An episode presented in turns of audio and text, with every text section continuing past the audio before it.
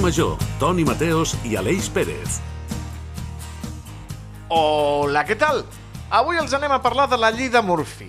La llei de Murphy és un enunciat basat en un principi empíric que tracta d'explicar els fets que succeeixen. A grans trets, vindria a ser que si alguna cosa, sigui bona o dolenta, pot passar, passarà. Aquesta frase pot aplicar-se a tota mena de situacions de la vida, des de les més banals, les més quotidianes, fins a d'altres més transcendentals. La llei de Murphy va ser anunciada per Edward Murphy Jr., que va treballar en experiments amb coets per la Força Aèria dels Estats Units al 1949 i deia allò de si alguna cosa pot passar amb els coets, passarà.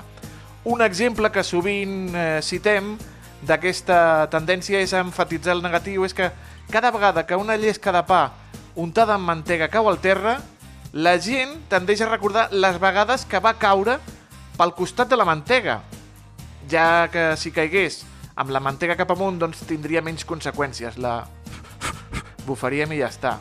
Per tant, un té la impressió de que el pa sempre cau amb la mantega cap avall, sense importar la veritat de, de la possibilitat. Jo sóc molt fan de la llei de Murphy. No sé si el nostre company l'Aleix Pérez, de la nova ràdio de Reus, també ho és. Aleix, bona tarda. Molt bona tarda, Toni. Doncs, eh, seguidor podria, potser no et diria tant, però sí que crec que l'he viscut en les meves pròpies carns unes quantes vegades i aquelles vegades que sembla que, que la llei de Murphy està com predestinada, no? que podríem dir que és més fàcil que et passi el que no vols que el que, que, el que sí que vols i a vegades doncs, tens la fortuna no? o tens aquest, aquest, aquest gir final no? que és que la, la, la, la torrada doncs, a veure en quin costat cau i, i no sempre es compleix. La torrada de la mantega, tu t'agrada la mantega i la marmelada, Aleix? Eh, M'agrada més la marmelada que la mantega. Mm. Ja en parlarem, ja en parlarem, amics i amigues.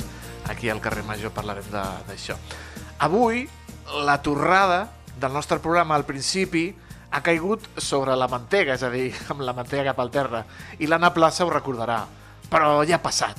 Hem preparat una altra torradeta amb els companys de Radio Ciutat de Tarragona, la nova ràdio de Reus, Baix Camp Ràdio, Ràdio L'Hospitalet de l'Infant, Ràdio La Selva del Camp, Altafulla Ràdio, Ona la Torre i Ràdio Montblanc.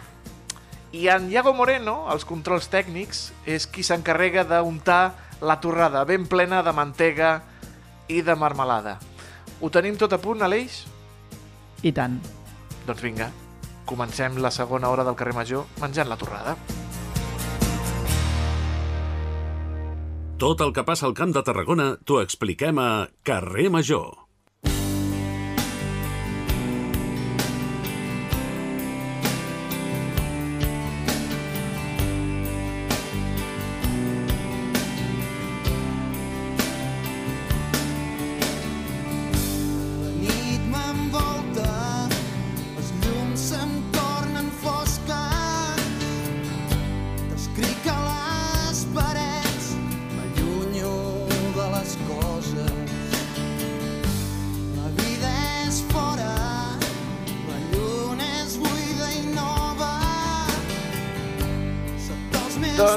Després del rotllo de la llei de Murphy anem a parlar del TEBAC, el Teatre Estable del Baix Camp, que és un grup de teatre reusenc amb més de 40 anys d'experiència. I aquest eh, proper divendres i dissabte estrenen al Bertrina de Reus Mala Sang, una comèdia negra escrita per David Plana que asseguren des del TEBAC que no deixarà ningú indiferent. Els hem convidat als estudis de la nova ràdio de Reus perquè no ens deixin indiferents al carrer Major. Tenim a la Rutenguita, que és la presidenta del TEBAC i ajudant de direcció del muntatge, i el Robert Rodríguez, director del muntatge i soci de l'entitat. El saludem a tots dos. Bona tarda i benvinguts al carrer Major. Hola, bona tarda. Bona tarda. Bona tarda, bona tarda. Uh, qui sou la gent del TEBAC, per qui no ho conegui? Ruth. A veure, eh, la gent del TEBAC som una gent... és que m'ha fet gràcia això, la gent del TEBAC, no? però est- està bé, està bé. El TEBAC és un grup de teatre, de fet, el nom, sí, Sí. el nom de TEBAC no? és, un, és una abreviació, diguéssim, de Teatre Estable del Baix Camp. Va néixer l'any 80, 1980, sí que vol dir que l'any de la pandèmia vam celebrar 40 anys, les celebracions ja veus com van quedar, i bé, eh, és un grup que va néixer d'una escola de teatre municipal, que va ser la primera i única de teatre, escola de teatre municipal aquí a Reus, i que va durar un curs només i arran d'aquella escola de teatre es va, bueno, els alumnes van decidir crear un grup de teatre que encara avui en dia estem aquí, vull dir que, que és un motiu d'alegria que 40 anys, bé, ara ja 43, doncs encara estiguem aquí amb ganes de, de fer coses, no? Evidentment, no tots els que van no, fundar el TEBA, que encara són membres del TEBA, tot i que n'hi ha alguns que sí, tenim socis fundadors i per sort hem anat no, sempre ampliant amb gent jove que, que ha anat entrant. No sé si amb això si vols alguna informació més, perquè jo, per parlar Veig del TEBA... Sou, veus, veig que sou una companyia històrica de Reus Sí. i del Camp de Tarragona, perquè Sí. mm, 43 anys, déu nhi duret. Sí, es diu aviat, doncs sí. I sempre amb la inquietud això d'intentar formar-nos, d'anar fent formació, sempre amb la idea de... A vegades costa, perquè això costa, però que vagi entrant gent jove, però bueno, per sort ha passat moltíssima gent pel TEBAC, gent que passa, que se'n va, però no passa res, perquè hi ha gent que després continua la seva vida professional i, i bueno, ja, ja és això, no? Exacte, són diferents projectes. Em, Ruth, Robert, em, fa uns pocs dies vau fer un misericording a la plaça de Farinera. Què és això? Jo sóc molt de Reus, però no sé què, què és això del misericording. Mira, això, així en confiança, és una mica patillero, però bueno, nosaltres ja ho som, o sigui, som un grup de teatre que tradicionalment estrenem un espectacle no? a la italiana, normalment, eh, teatre de text, no? fem molt com ara, ara el Robert us explicarà, no? el, el Malassang, hem fet molts Shakespeares, Molières, hem fet tant teatre clàssic com teatre més modern, però també tenim la nostra vessant de teatre de carrer, no? de que ens agrada una mica liar-la i de cridar l'atenció i una mica... I els misericordings, doncs, és això, és una idea d'un un, espectacle de carrer que ja vam fer fa anys, que eren personatges de Reus que sortien a fer una manifestació a reivindicar-se. I aquest any, uns anys després, vam voler recuperar-lo, que més sempre ho, fem, ho hem fet l'altra vegada també per misericòrdia, i ho vam fer en format vermut. Aleshores, bueno, és una mica com d'autocrítica, no?, reusenca, però feta amb tot el carinyo, no? Home, els demanàveu, demanàveu platja. Platja Reus. Sí, això és el platging, és que és això, veus, fem el misericordings, el, el platging, sí, potser una, una mica, no?, una mica un, un humor així, no?, com ho diríem, Robert, aquest humor... Bueno, són accions de carrer i una mica humor de, de, de guerrilla, no? de, Sí. de barricada. Sí, que també ens agrada, ens agrada molt el teatre de text i això ens agrada trepitjar escenari, però també ens agrada molt el carrer. Aleshores intentem fer coses variades també perquè tothom se senti còmode. Hi ha gent que diu jo vull fer comèdia només, o jo... O sigui, perquè tots el, no, els membres que són del grup, doncs tothom trobi alguna manera de- d'expressar-se lliurement. Ara esteu amb, amb mala sang, ho has comentat tu, Ruth, divendres i dissabte al Bartrina. Com van els nervis i, i de què va aquesta mala sang? Eh, Nervis, gens. Eh, No, evidentment, Bueno, és, ja- és, ja és broma. divendres. Comencem amb la comèdia, comencem, comencem amb la comèdia, que va, els nervis estan a, a flor de pell, eh, però bueno, el, el, muntatge, el muntatge va bé, eh, divendres estrenem i estarem, evidentment, a punt i tot sortirà a rodó. L'obra és una comèdia negra, molt negra, en la qual eh, tres protagonistes de la, de la història i de les seves respectives històries, que són persones eh, en principi normals, una mestra de primària, una galerista i un professor d'universitat eh, prejubilat a, a la força, que veiem eh, en una primera escena de, de presentació, tancats en, en un ascensor, i on comencem a conèixer una mica aspectes de, de la seva vida. I posteriorment, quan surten d'aquell ascensor, aquella tarda d'aquell dia, eh, cadascú doncs, viu la seva pròpia història particular i després acaben retrobant-se de nou a, a l'ascensor.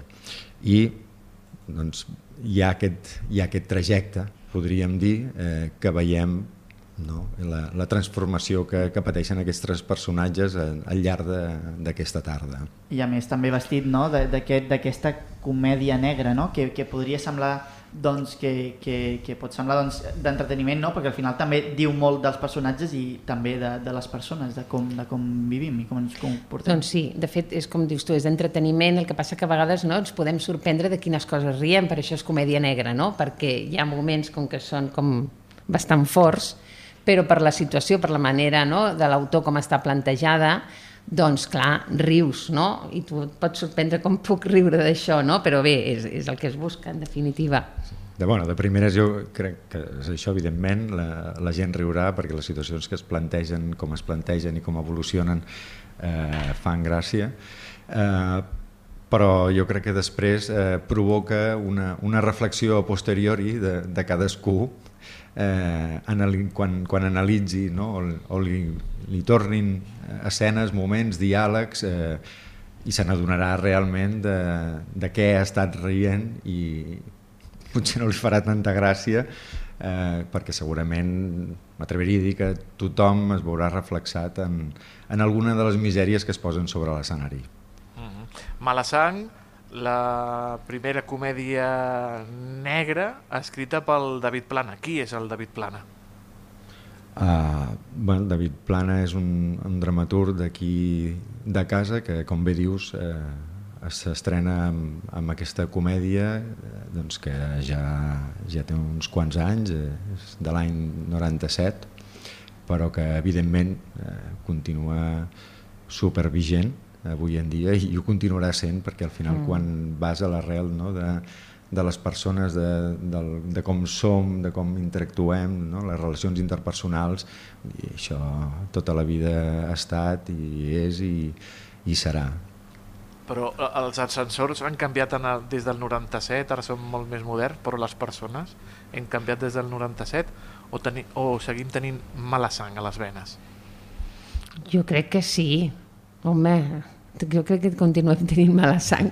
Pensa que hem passat una pandèmia, que el 97 sí. no l'havíem passat. I tant. Sí que hi ha mala sang. Sí que el 97, no, no, no, el 2000, vaja, el 2020, no, no, se'ls hauria, no se li hauria acudit aquesta, aquesta història segurament perquè no s'haurien concebut tres persones tancades en un ascensor no? després de, o enmig d'una pandèmia és potser la diferència. Sí. Jo et volia preguntar, Robert, també, és la primera obra que, que dirigeixes, no? Si, si no m'equivoco. Com, com... Amb, amb Tebac sí. Amb Tebac sí. Com, com l'has enfocat? Com, com funciona? Com prepares i, i treballes una, una direcció d'una obra? Bé, eh, aquest, aquesta obra en concret, bueno, evidentment, eh, llegir llegir-la, intentar conèixer la història, eh, els, els diferents enfocs, eh, buscar el teu on que creguis que és el, el més adient, on et sents tu més còmode creus que, que pots potenciar més el, més el missatge. A partir d'aquí, eh, dintre de, dels, doncs, tot el grup d'actors i actrius que, que conformen el TEBAC, doncs, bueno, eh, un dur procés de, de triatge perquè no és, no és senzill eh, clar, buscar la, la persona que, que, que s'adapti millor al, al perfil i, i a més a més doncs, clar, tens, tens més d'una opció amb la qual cosa eh, amb algú li has de dir que no i això doncs, no, és, no, és mai, no és mai agraït. I a partir d'aquí eh, confiança màxima en tots ells perquè com podreu comprovar penso que el, per tot el que hem dit anteriorment sobre l'obra és un text que, que és molt potent i que parla per ell sol i, i és en el que, en el que l'espectador s'ha de centrar. No? Per tant, eh, és un muntatge que és completament despullat, hi ha, hi ha llum, hi ha so eh, per ambientar les situacions, però després hi ha els elements mínims indispensables en escena, perquè el que es tracta és que els personatges eh, donin a conèixer la, la història i la, i la propin als espectadors i és justament això. Sí, això és així, és un muntatge no, que potser el que aquí brilla és el text, no? brillen els personatges, brillen el, els actors, o sigui, com que és bastant no, mínim, l'escenografia és mínima, l'utilleria és mínima, el que es demana, doncs és una mica també per potenciar no, el text no, i la interpretació dels actors, que és el que, el que brilla. Tu com a, Ruth, com a ajudant de direcció del muntatge, com has vist el Robert com a director i, i què t'han dit els, els actors de, del Robert Rodríguez de Manant? Bé, jo l'he vist bé. A veure, penseu, l'actor, ai, el Robert i jo hem sigut companys com a actors, vull dir, en, en diferents muntatges, no? El, el Robert és això, ell és el primer muntatge que dirigeix el Tebac, però ha dirigit, ell és, és de Vilaseca, però bueno, el deixem que, que vingui cap aquí.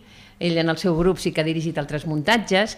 I bé, nosaltres una característica que tenim és que no, tenim, no som un grup de teatre que no tenim un director fixe, no? sinó que anem canviant perquè trobem, és, és, forma part de la nostra no? idiosincràsia, manera de ser, que creiem que s'ha d'anar variant de director. El que sí que també ens agrada és apostar per algú de, de casa, no? i tenint el Robert, doncs, doncs vam pensar que seria un, una bona opció que dirigís algú no? no anar a buscar, a vegades et costa trobar un director que, que es pugui adaptar, no? no deixem de ser un grup de teatre no professional, i la veritat que, clar, això ha sigut molt comprensiu el Robert, vull dir que és això.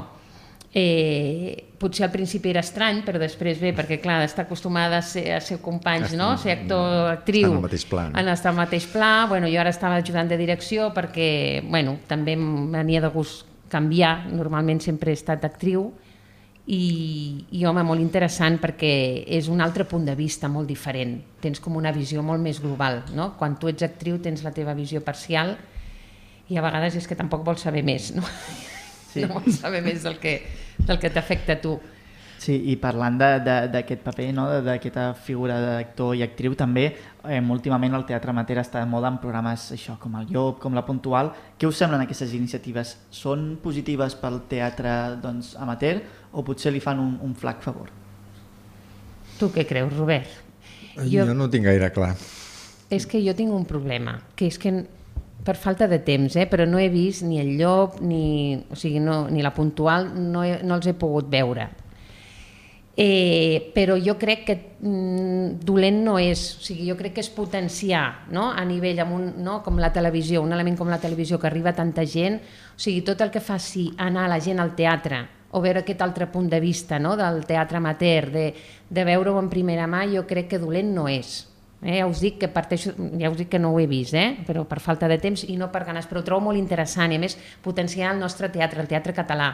O sigui, aquí doncs grans autors, no? com Àngel Guimarà va ser i després ara és el Rossinyol, no? Sí. A veure, és que l'Àngel Guimarà, com sempre moltes coses aquí a Catalunya ens subestimem i és el, el, és el Shakespeare català, o sigui, és un, és un autor que s'ha traduït moltíssim, que està sub... o sigui, és, eh, és, una, és un altre nivell. I tot el que es faci per arribar al màxim públic possible, jo crec que, que està molt bé. I el Robert, què en pensa? Mm, Per una banda estic, eh, estic d'acord amb, amb la Ruth, no? eh, és veritat que segurament és una, és una cosa que pot potenciar això, eh, doncs, eh, aquest interès del, del públic en, en general pel que, és el, pel que és el teatre i pot fer créixer l'afició, tant eh, fer que hi hagi assistència major als teatres, que no vindria malament, que hi hagués més públic en els, que omplís els teatres, i per altra, doncs, potser també, eh, tot i que som un país, penso, no, de, de tradició teatral i, i que sembla que això bé, sigui difícil de, no, que, que, que s'acabi, però doncs, bueno, que creixi, que creixi doncs, una mica aquesta, aquesta base que potser a vegades també som, som en un punt que la incorporació de, de joves eh, és una mica més complicada que no? potser quan eh, la nostra generació una mica s'hi va, va incorporar que potser ho va fer més, més massivament. Mm, I per altra banda, doncs, bé, no sé, vull pensar que, doncs, que justament això no, no s'acabarà aquí, és a dir, que la gent eh, anirà als teatres quan, després de veure el programa, quan hi hagi la gira de, en aquest cas del muntatge de, de l'auca del senyor Esteve i, i després ja, ja se n'oblidi un cop passat el, el boom mediàtic. No ho sé, com, com tot suposo que necessita una mica de temps per veure'n veure els resultats. Abans comentaves, Ruth, que el Robert des de Vilaseca i aquest diumenge teniu la presentació de la primera mostra de teatre Pep Grasset. Què ens pots dir d'això, Robert? Doncs eh, bé, jo la, no, el meu camí en el, en el teatre el vaig engegar a la companyia La Tramoia de Vilaseca eh, l'any 91 Gran i va ser, companyia. Perdona? Grandíssima companyia de teatre. Tu diràs. Mm, No ens posarem ara a comparar Teva amb Tramoll, evidentment. No cal, no cal, però grandíssima companyia de les nostres contrades d'aquí del Camp de Tarragona, evidentment, sí. I vaig començar eh, de la mà com, com tots pràcticament els que som ara, excepte les darreres incorporacions més joves de la, de la mà del Pep Grasset, no? el fundador de la, de la companyia. I no som eh, tan grans, tan madurs com, com Tebac, eh, però doncs, eh, vam fer ara l'any passat el 30è aniversari diguéssim, del rellançament de la companyia, de, de la Tramoia, que havia estat uns anys en, estem, en stand-by, fins que vam entrar tota aquesta fornada de, de membres que actualment, evidentment no tots, però doncs, molts encara continuem. I llavors ens va semblar que com a acte de celebració del 30è aniversari eh, era, era una, una cosa doncs, ideal, no? crear una, una mostra de teatre en memòria del, del fundador i, i director de, de la companyia durant tantíssims anys i vam fer això, vam organitzar un concurs, una mostra, de fet és una mostra, eh, per a un concurs entre tots els participants que havien de ser havien de presentar-se amb textos de teatre inèdits val? Eh, i amb, evidentment amb muntatges atractius i després d'una dura selecció ja tenim les quatre peces que es representaran el cap de setmana del 21 i 22 d'octubre i del 4 i 5 de novembre en aquesta primera edició. Doncs estarem ben atents des d'aquí del carrer Major i també estarem ben atents aquest divendres i aquest dissabte al Teatre Bertrina amb Malasang de Teba, que al Teatre Estable del Baix Camp. Avui hem xerrat una estoneta amb la presidenta, la Ruth Enguina, Enguita, perdó, i el Robert Rodríguez, director del muntatge d'aquesta Malasang. Eh, a tots dos, molta merda i que vagi molt i molt bé el dissabte, el, el divendres i el dissabte. Moltíssimes gràcies. Gràcies a vosaltres. Gràcies a vosaltres per convidar-nos i esperem veure-us, eh? que des de dalt de l'escenari amb una mica de llum es veu, eh? el públic de platea, estarem, estarem atents. Nosaltres també, gràcies a tots dos. Molt bé, a vosaltres. Estàs escoltant Carrer Major.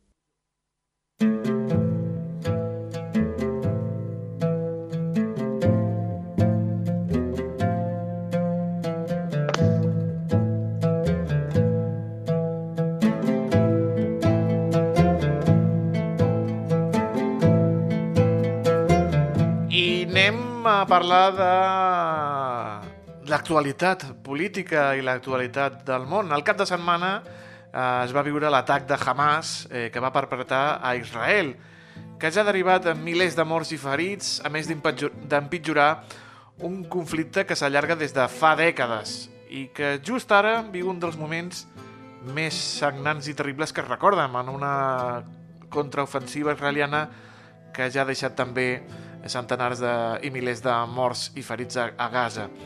Un conflicte que sembla que no tingui final, que avui volem analitzar amb el nostre col·laborador des del Marroc, en Mohamed Said Badawi, al qual saludem. Mohamed, bona tarda.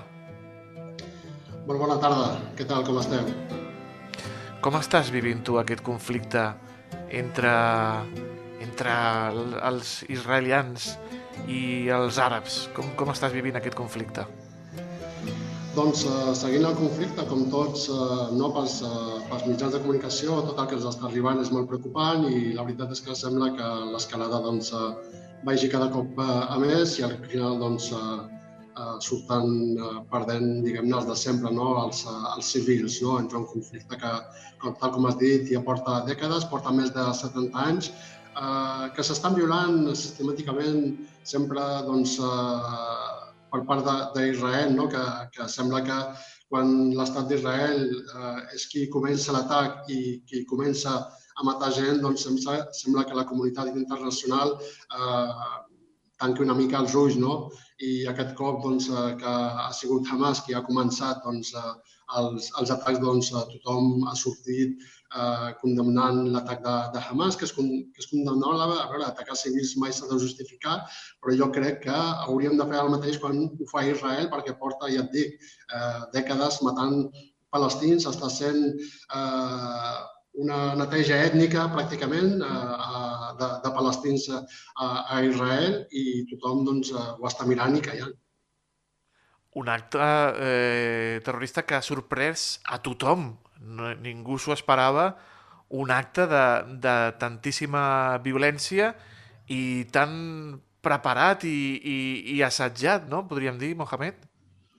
Sí, la veritat és que segueix avui en dia sorprenent una mica, no? que bueno, eh, Israel compta doncs, eh, amb un exèrcit dels més qualificats eh, arreu del món i un servei secret, doncs, eh, el Mossad també, doncs, que són dels millors que hi ha, que hi ha al món i que, bueno, que eh, s'hagi perpetrat aquest atac per part de Hamas amb tanta facilitat eh, durant una nit, doncs eh, sembla que no, no té cap explicació, no? que no s'hagin donat ni que eh, no, no hagin saltat les alarmes eh, abans de que hagués, eh, s'hagués dut a terme aquest atac.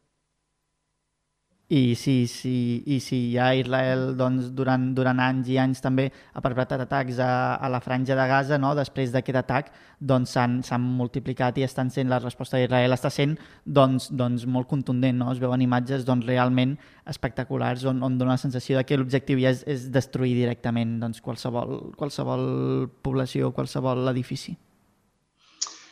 Jo, com he dit abans, l'atac de Hamas és condemnable perquè ataca a civils, i, però el que està fent ara mateix Israel, eh, d'alguna manera justificant, com que eh, han rebut l'atac per part de Hamas, ara doncs puc fer el que vulgui, no, crec que tampoc no és, no és justificable perquè ara mateix està destruint eh, habitatges, està destruint eh, eh, escoles, està atacant hospitals, està atacant a civils, no està atacant o sigui, a, a punts concrets on hi hagi doncs, eh, eh, combatents de, de Hamas. No? En aquests moments els que estan morint són civils, són pràcticament 1.200 persones, em sembla que hem arribat per part de palestins i 900 per part de d'Israel i és injustificable. O sigui, jo crec que s'haurien de controlar una mica, crec que eh, el món hauria de posar alguna, alguna cosa més que només condemnar Hamas, sinó fer alguna cosa més doncs, perquè es parin en aquests moments eh, aquesta, eh, diguem-ne, aquest augment d'escalada, aquesta escalada no? de, de, de, de, de tensió que hi, ha, que hi ha a la zona. La franja, que li diuen, Mohamed, li diuen eh, l'infern a la terra i també li diuen la presó a l'aire lliure més gran del món.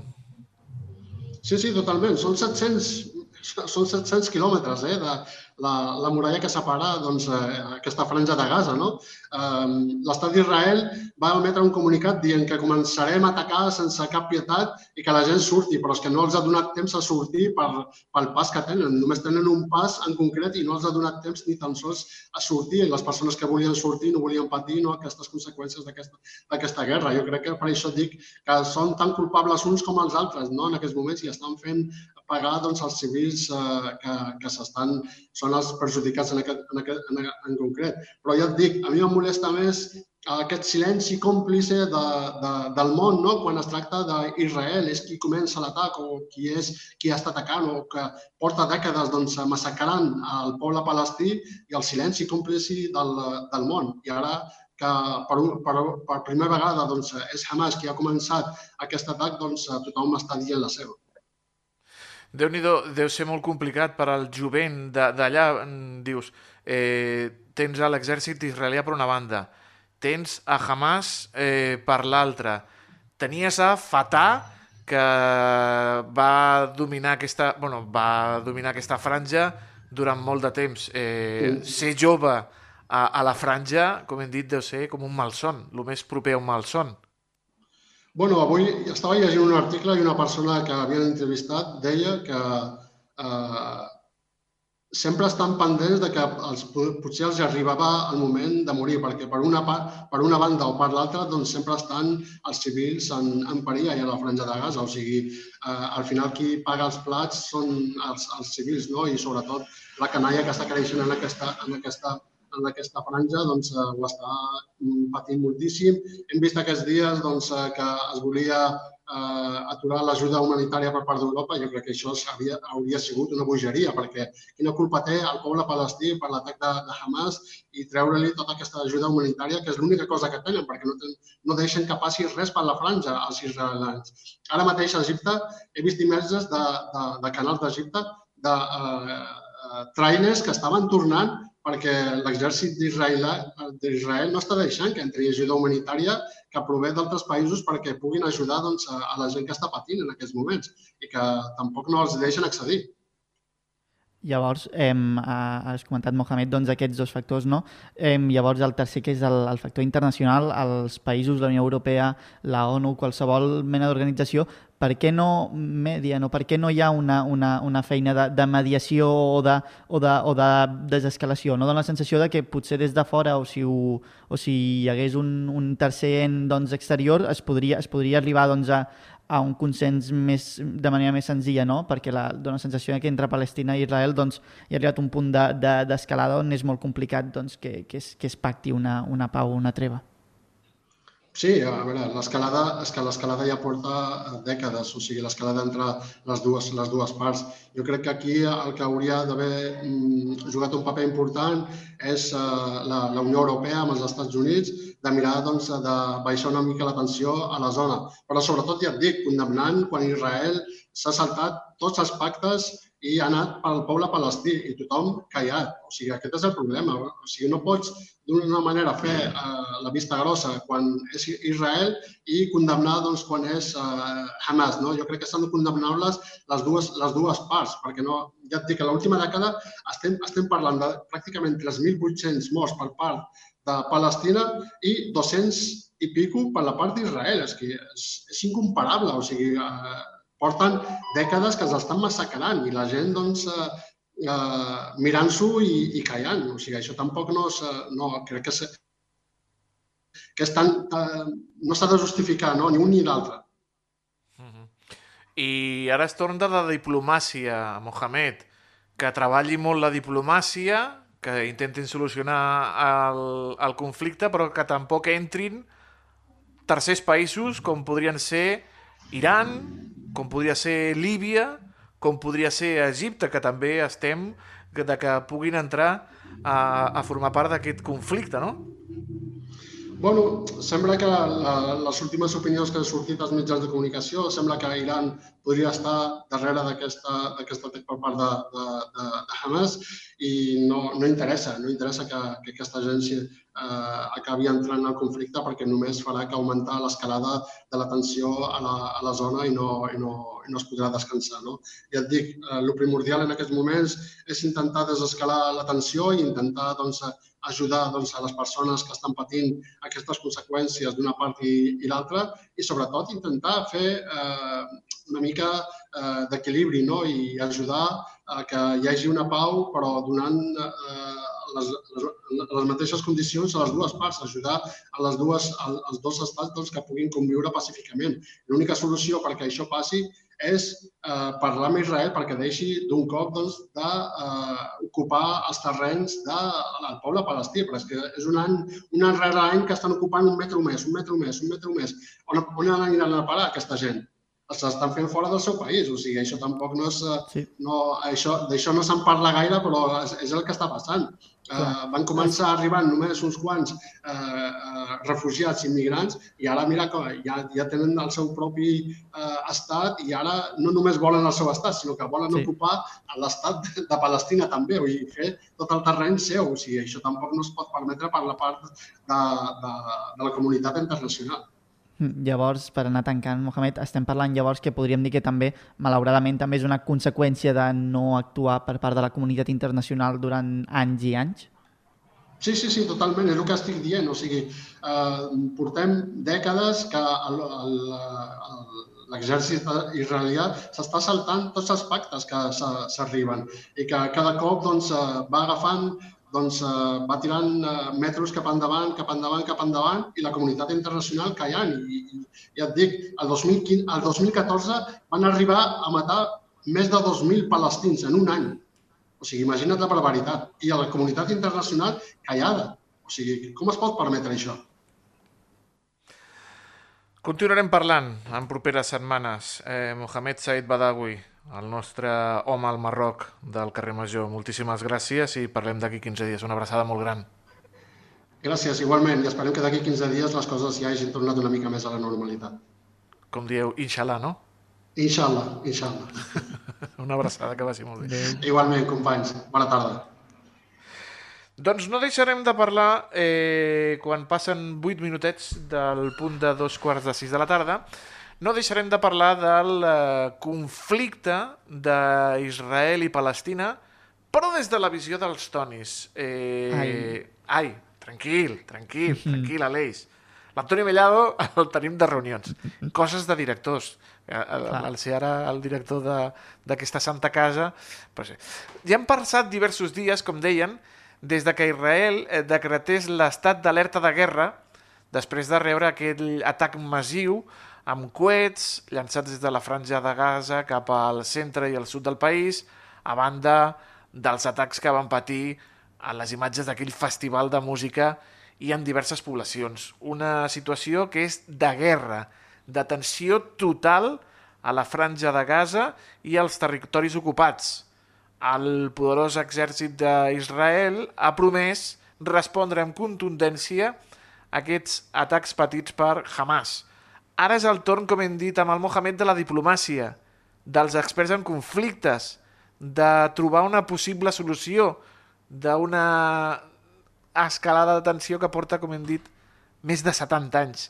Hem sentit moltes veus, la del Mohamed, moltes valoracions, molts anàlisis, però dels d'estonis volem conèixer el conflicte i ho farem des del punt del món audiovisual. Què et sembla això? Em sembla molt bé perquè realment el, el, aquest conflicte no, té moltes capes, té molta profunditat. A vegades la gent que no, no està al dia és complex d'entendre-ho i potser a partir del món audiovisual doncs, doncs hi ha molta gent que es pot apropar d'una manera molt més, molt més senzilla al conflicte. Uh -huh. Les sèries i el cinema han tractat de reflectir les dificultats de la convivència entre jueus, musulmans i cristians a l'Orient Mitjà, la creació de l'estat d'Israel, el conflicte entre l'estat i Palestina, la identitat àrab, el terrorisme, la vida de les víctimes... Us portem avui tres sèries i tres pel·lícules que reflecteixen la realitat del conflicte des de diversos punts de vista. Comencem amb les sèries i comencem amb l'espia. Són així.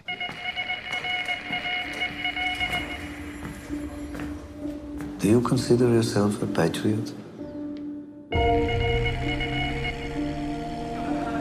I love this country with all my might. Welcome to Syria. If your country needed you to lie to your friends, your family, your wife, Això és l'espia. Dins del conflicte s'han forjat herois nacionals per a tots dos bàndols. Per la seva implicació i el treball en la guerra i en diverses sèries tracten de reflectir aquestes històries. Netflix ho ha fet amb L'Espia, una minissèrie protagonitzada pel grandíssim Sacha Baron Cohen, una sèrie de suspens francesa dirigida per l'israelià Gideon Raff. Gideon Raff és conegut per ser el creador de Homeland, també una grandíssima sèrie, i ens explica la vida d'un històric espia israelià, Eli Cohen, infiltrat pel Mossad en l'administració i altes esferes de Síria en els anys 60. Sota el nom fals de Kamal Amim, va ser una peça clau a l'eix en el conflicte que van lliurar tots dos països i que ara, doncs, en aquesta minissèrie de tres episodis, com hem dit, amb el Sacha Baron Cohen en un paper molt seriós, deixant de banda la seva vessant còmica, podem disfrutar a Netflix. Anem amb la segona, l'eix. Es diu Our Boys. When I first became Kamal, it was just an act.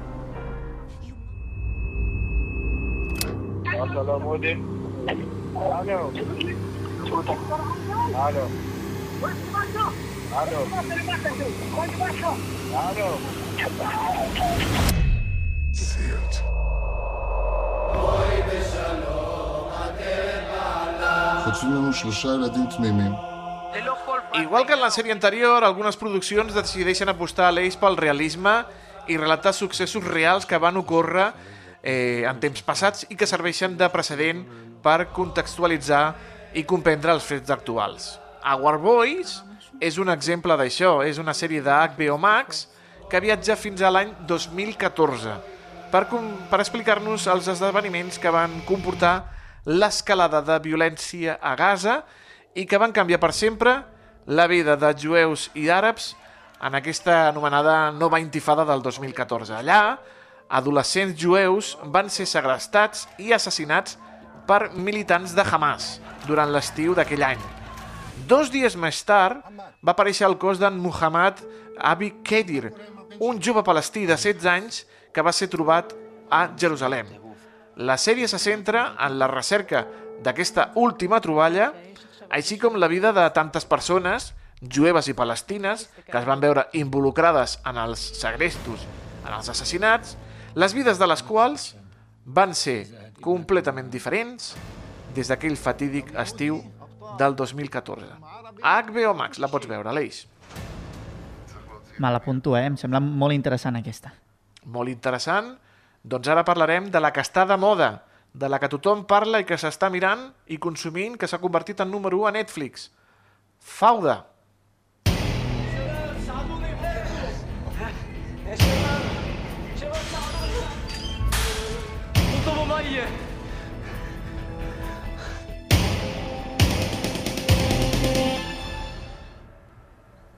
Abu Ahmad està viu.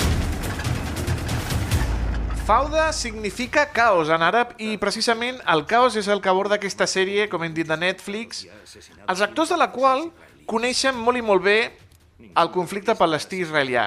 En ella, Doron, un veterà agent israelià retirat, ha de tornar a l'acció per intentar donar caça Abu Ahmad, un famós activista palestí i militant de Hamas, al qual tots donaven per mort. Després de la tornada a l'acció per acabar amb Ahmad i descobrir què va passar després de la fallida desaparició, es deslligaran una cadena de perillosos esdeveniments i successos que posaran en perill la vida de moltes persones. Com he dit abans, tant els creadors com alguns dels membres del repartiment van prestar servei en l'exèrcit de defensa d'Israel i van formar part d'algunes operacions encobertes.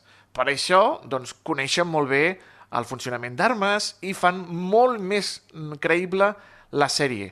La sèrie que, com hem dit, la podeu trobar a Netflix i que aquests dies s'ha convertit en un fenomen de masses tant per eh, Israel com per d'altres països del món.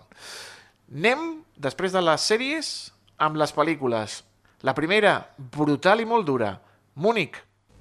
Buenas tardes. Les hablo en directo desde el exterior de la Villa Olímpica de Múnich, Alemania Federal. En este momento, ocho o nueve atletas del equipo israelí están retenidos como prisioneros. Estos guerrilleros son un grupo llamado Septiembre Negro. Que los comandos Aquesta pel·lícula, basada en fets reals, narra els assassinats de diversos atletes israelians per part del grup terrorista eh, Septembre Negre als Jocs Olímpics de Múnich del 72 i posteriorment explica la història d'un agent del Mossad, de la intel·ligència israeliana, que ha d'assassinar els responsables d'aquests assassinats. Dirigida per Steven Spielberg, protagonitzada per Eric Bana i Daniel Craig, narra la vida d'aquest grup d'antiterroristes i el seu dia a dia en la recerca i caça sense pietat dels assassins dels seus compatriotes. La pel·lícula del 2005, me sembla que és, va ser molt durament criticada per la comunitat jueva dels Estats Units, ja que, segons aquesta comunitat, humanitzava massa els membres de setembre, de setembre Negre, mentre que mostrava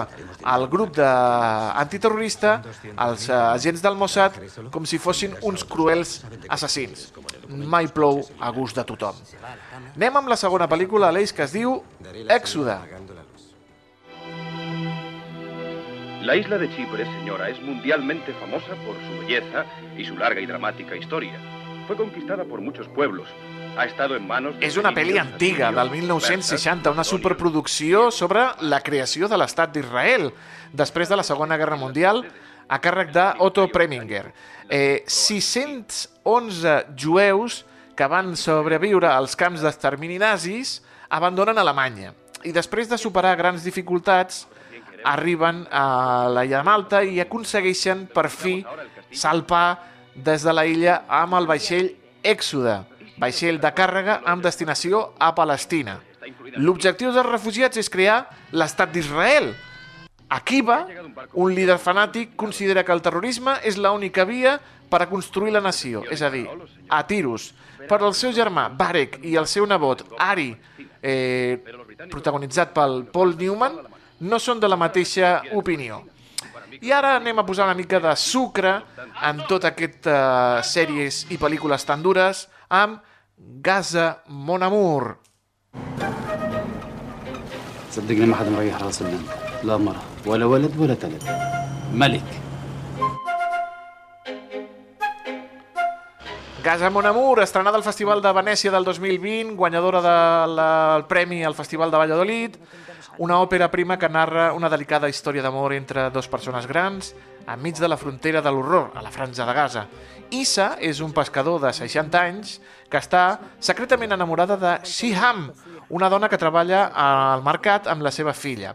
Quan descobreix una antiga estàtua d'Apolo mentre pescava, Issa l'amaga, sense saber que fer això li portaria conseqüències, perquè, curiosament, després de pescar aquesta estàtua, la seva confiança comença a créixer i finalment decideix acostar-se a Siham i dir-li que l'estima. L'hem de veure, aquesta Gaza Mon Amour, una pel·lícula, com hem dit, molt entretinguda. Què t'ha semblat la selecció, estimat Aleix? Doncs em sembla que tens un, un gust un gust cinèfil i, i de sèries doncs, molt acurat. M'he apuntat un parell de, de sèries, eh, Toni? O sigui, que- vull que sàpigues que, que potser en, en, en aquest pont no, que tindrem aprofitaré per veure totes aquestes sèries i pel·lícules. La de Gaza Mon Amour, sobretot, és molt, és molt bonic, Molt no? la manera com ho giren, sí. Doncs, si et sembla, eh, mentre tu t'apuntes a, a Mon Amour, anem a la furgoneta.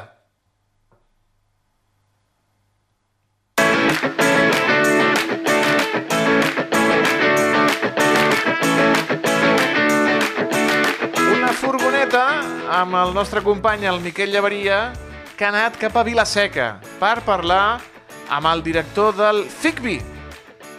Anem a veure què ens explica avui el nostre company, el Miquel Llavaria, des de Vilaseca. Miquel, bona tarda.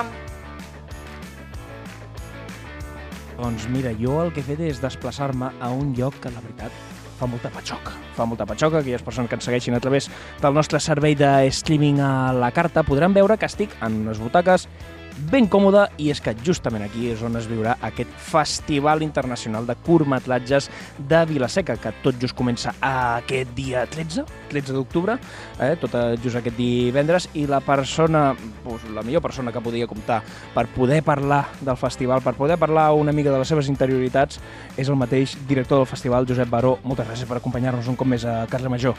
Gràcies a vosaltres per el vostre interès pel festival. Gràcies. Escolta, eh, ho hem comentat. 1.140 curtmetratges es van presentar per optar a estar com a mínim dins del Festival Internacional de Curtmetratges de Vilaseca. D'aquests n'han sigut seleccionat 45. Eh, com es fa una selecció d'aquestes mesures? Doncs s'ha de fer molta cura, o sigui, molt conscient de, de lo que estàs buscant, i jo sempre dic el mateix, que al final quan acabem de fer la selecció resulta que mires la carpeta i tens 200, 200 i pico, i clar, no, no pots passar tants curtmetratges i llavors has de tornar a veure i reveure diverses vegades buscant petits detalls per, per acabar triant eh, les, bueno, les sessions que, que tindrem aquí. És que quantes hores, bueno, més ben dit, dies són fer això? pues, pràcticament tot l'any, o sigui que s'han de mirar curtmetratges pràcticament cada dia. Mare meva, no acabes amb mal de cap. No, a veure, quan començo a estar fotudet, doncs paro, perquè si no ja no és objectiu. En tot cas, haurem sigut molt objectius perquè realment els 45 que han arribat eh, en aquest, eh, anem a dir, la final no? de la Champions, dels curtmetratges a Vilaseca, eh, sens dubte un gran nivell, a més, en alguns casos fins i tot que compten amb actors de cert renom. Eh, imagino que també a la vegada és, entre cometes, un marrón tinguer tants curtmetratges i tinguer que escollir, però clar, també és un bon marrón perquè significa que hi ha nivell. Sí, clar, evidentment, nosaltres busquem sempre la qualitat artística i, i tècnica, evidentment. I sí, aquest marrón que tu dius, més que res és, és aquest compromís que has adquirit amb, amb el teu públic de portar cada any el millor que trobis, no?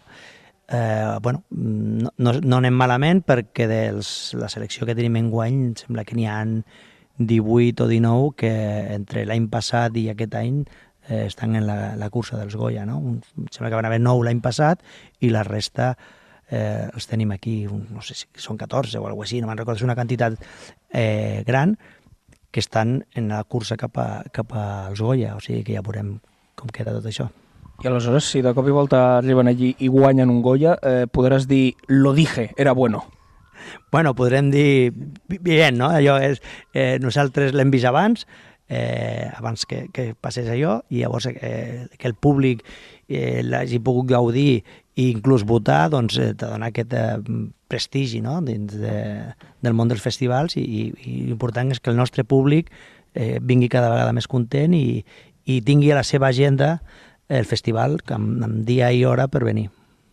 I escolta, que clar, vam parlar del Festival Internacional de Curtmetratges just la temporada passada, un altre cop estem aquí. En tot cas, seria per conèixer mmm, també si hi ha algun canvi, alguna novetat, no sé si en el format o en els participants, alguna cosa que hagis notat.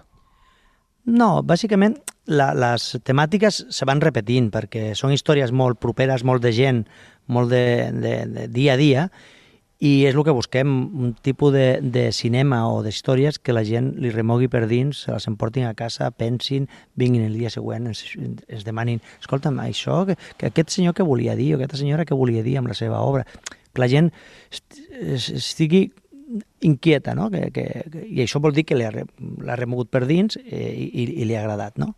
I això és el que busquem, que el públic interactuï molt, s'ho faci seu, i empatitzi amb totes les, les pel·lícules. I aquesta és la part més difícil, perquè bueno, has de fer una tria que la fas tu, però que has de pensar en la gent que la veurà, no? Llavors és molt difícil encertar, bueno, a vegades l'encertem i a vegades, a vegades no.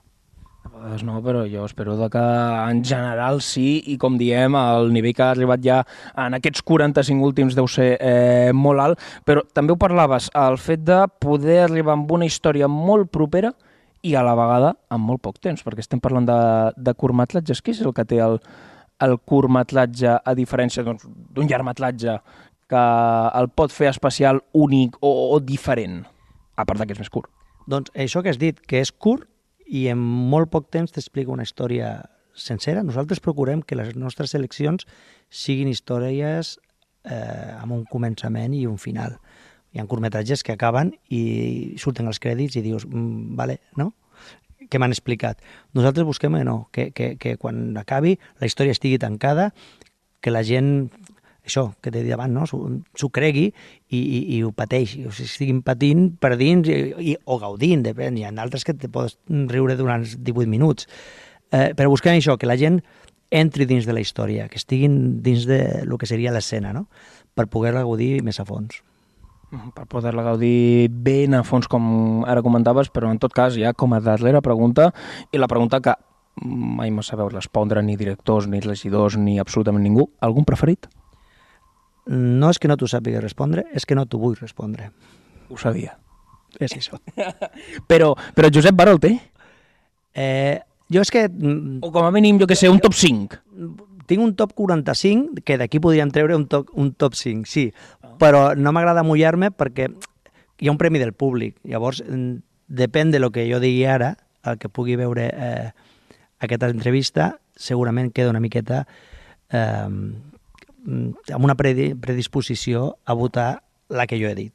Llavors, com que no, no ha de ser així, jo prefereixo no dir res, jo aconsello que puguin venir a veure si poden els 45 millor i si no, la, el màxim que puguin.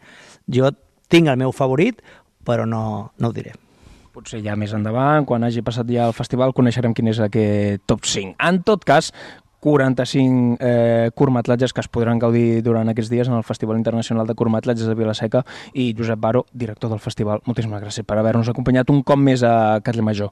Gràcies a vosaltres, com t'he dit abans, per, per fer-nos de veu del festival i bueno, us esperem i estem en contacte. Gràcies. Uh -huh. Doncs, doncs gràcies, escolta, companys, Miquel. Festival Internacional de Curtmetratges de Vilaseca. Tornem a nosaltres a, del proper divendres. Que passin un bon dia del Pilar. Adéu-siau. Adéu.